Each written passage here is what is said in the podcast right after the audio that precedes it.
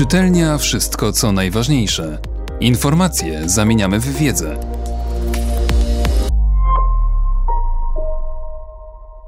Janusz Kotański Papież drżący o duszę Europy Należy do pokolenia szczęśliwców, którym dane było żyć w czasach Jana Pawła II. Co więcej, nasz papież to pierwszy święty Kościoła katolickiego, którego miałem okazję osobiście słuchać, czytać, podążać za nim we wszystkich pielgrzymkach po Polsce.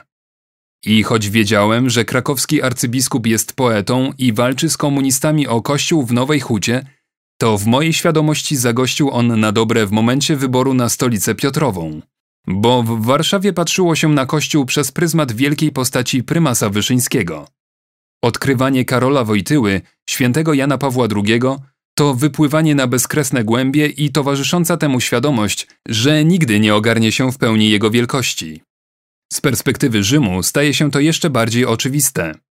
Pełniąc zaszczytną funkcję ambasadora RP przy stolicy apostolskiej, widzę teraz z bliska, jak odpowiedzialna i wielowymiarowa jest rola pontifexa, którym obecnie jest papież Franciszek. I cofam się myślami do czasów Jana Pawła II.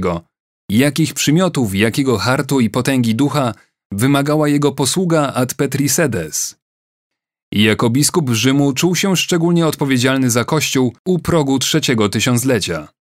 Jakże przejmująco mówił na placu Świętego Piotra z okazji dwudziestolecia pontyfikatu: Głosić słowo, oto jest moje zadanie, czynić wszystko, co w mojej mocy, ażeby syn człowieczy, gdy przyjdzie, znalazł wiarę na ziemi. Od śmierci papieża Polaka minęło 15 lat, ale nieustannie w rozmowach z przedstawicielami korpusu dyplomatycznego w Santa Sede powraca jego imię. Przede wszystkim w kontekście roli, którą odegrał w ojczyznach dyplomatów z całego świata. Widać, jak jest nadal kochany i podziwiany. Porusza mnie, jakim kultem jest otaczany papa Wojtyla, także przez Włochów. Stał się ich świętym, jak święty ojciec Pio czy święta Rita. Niestety pandemia pokrzyżowała nasze plany, by w maju bieżącego roku, w stulecie urodzin Karola Wojtyły, w uroczystej mszy świętej pod przewodnictwem Ojca Świętego dziękować za jego życie i pontyfikat. Uroczystości w Watykanie zostały przesunięte, ale ta niepowtarzalna rocznica to specjalny czas, który możemy i powinniśmy mu poświęcić.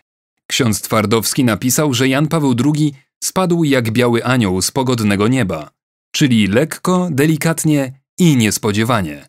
To piękna metafora, ale ciężar gatunkowy tego pontyfikatu jest wręcz niesłychany. Równie ważna jest pamięć, którą pozostawił po sobie święty papież jako człowiek, kapłan, biskup. Każdy z nas ma osobiste spojrzenie na tę niezwykłą postać. Dla mnie Karol Wojtyła, święty papież Jan Paweł II to człowiek symbol spotkania ducha ludzkiego z duchem Bożym.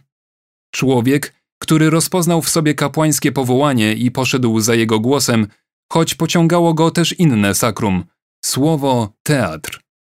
Człowiek wiary i bezgranicznego zawierzenia Bogu, który dał się prowadzić opatrzności, głęboko świadomy, że jest bardzo w rękach Bożych, kapłan totus tuus, stawiający sobie pytanie, co by się stało, gdyby Maria nie rzekła fiat. Człowiek dwóch wymiarów, poprzez osobiste doświadczenia mocno chodzący po ziemi i dostępujący transcendentnego wtajemniczenia, realizujący dwa plany boski i ludzki. Wreszcie nauczyciel modlitwy i kontemplacji. Nic nie może być stawiane ponad modlitwę. Duch, otwartość i język 26 lat pontyfikatu uczyniły przesłanie papieskie uniwersalnym, porwały tłumy, a semina verbi dotarły aż na krańce ziemi. Jan Paweł II mówił i pisał o tym, co najważniejsze. Fascynowały go dwa fundamentalne zagadnienia tajemnica trinitarna i tajemnica człowieka. A wszystko głęboko przemodlone i przemyślane, spójne i konsekwentne, trafiające do milionów i do każdego indywidualnie. Jan Paweł II, następca świętego Piotra, to papież, który głosząc światu prawdę najważniejszą, Deus Caritas Est, wzywał do budowania cywilizacji miłości.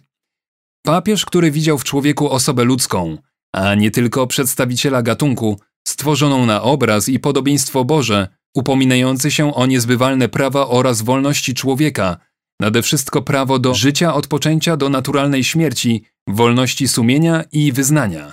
Papież, który nie był politykiem, ale jako mąż stanu zmienił oblicze ziemi, nie tylko polskiej, którego głosu nie można było pomijać czy przemilczać.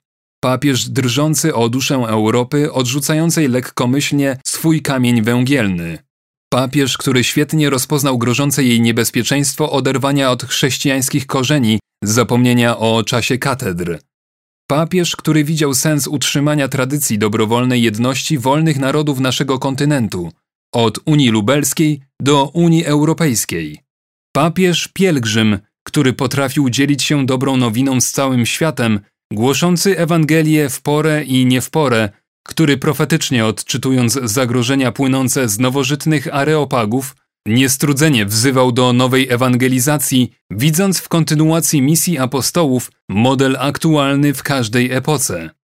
Papież marzący o jedności chrześcijan oraz owocnym zbliżeniu z innymi religiami, podkreślający zarazem, że jedyną prawdą jest Chrystus. Papież Fides et Ratio, obalający mit o niemożności pogodzenia wiary i rozumu, dwóch skrzydeł, na których duch ludzki unosi się ku kontemplacji prawdy. Papież, który żył duchem Vaticanum Secundumi, nie ustawał w wysiłkach, ażeby go interpretować w sposób właściwy, a bronić przed interpretacjami tendencyjnymi.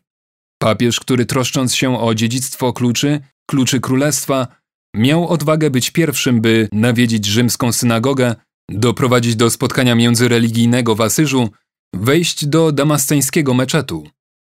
Papież, który rozpalił ogień miłosierdzia Bożego na całej kuli ziemskiej i uczył nas wszystkich nowej wyobraźni miłosierdzia. Papież, który otaczał szczególnym kultem świętych i męczenników, za sprawą którego martyrologium Romanum rozrosło się obficie i który konsekwentnie przypominał o naszym powołaniu do świętości. Papież zawsze artysta, który czuł moc tkwiącą w kulturze, widział w niej nie tylko najwyższą sublimację ludzkiego geniuszu, palec kreatora, piękno, które zachwyca, ale i narzędzie pomocne w rozwiązywaniu problemów współczesnego świata.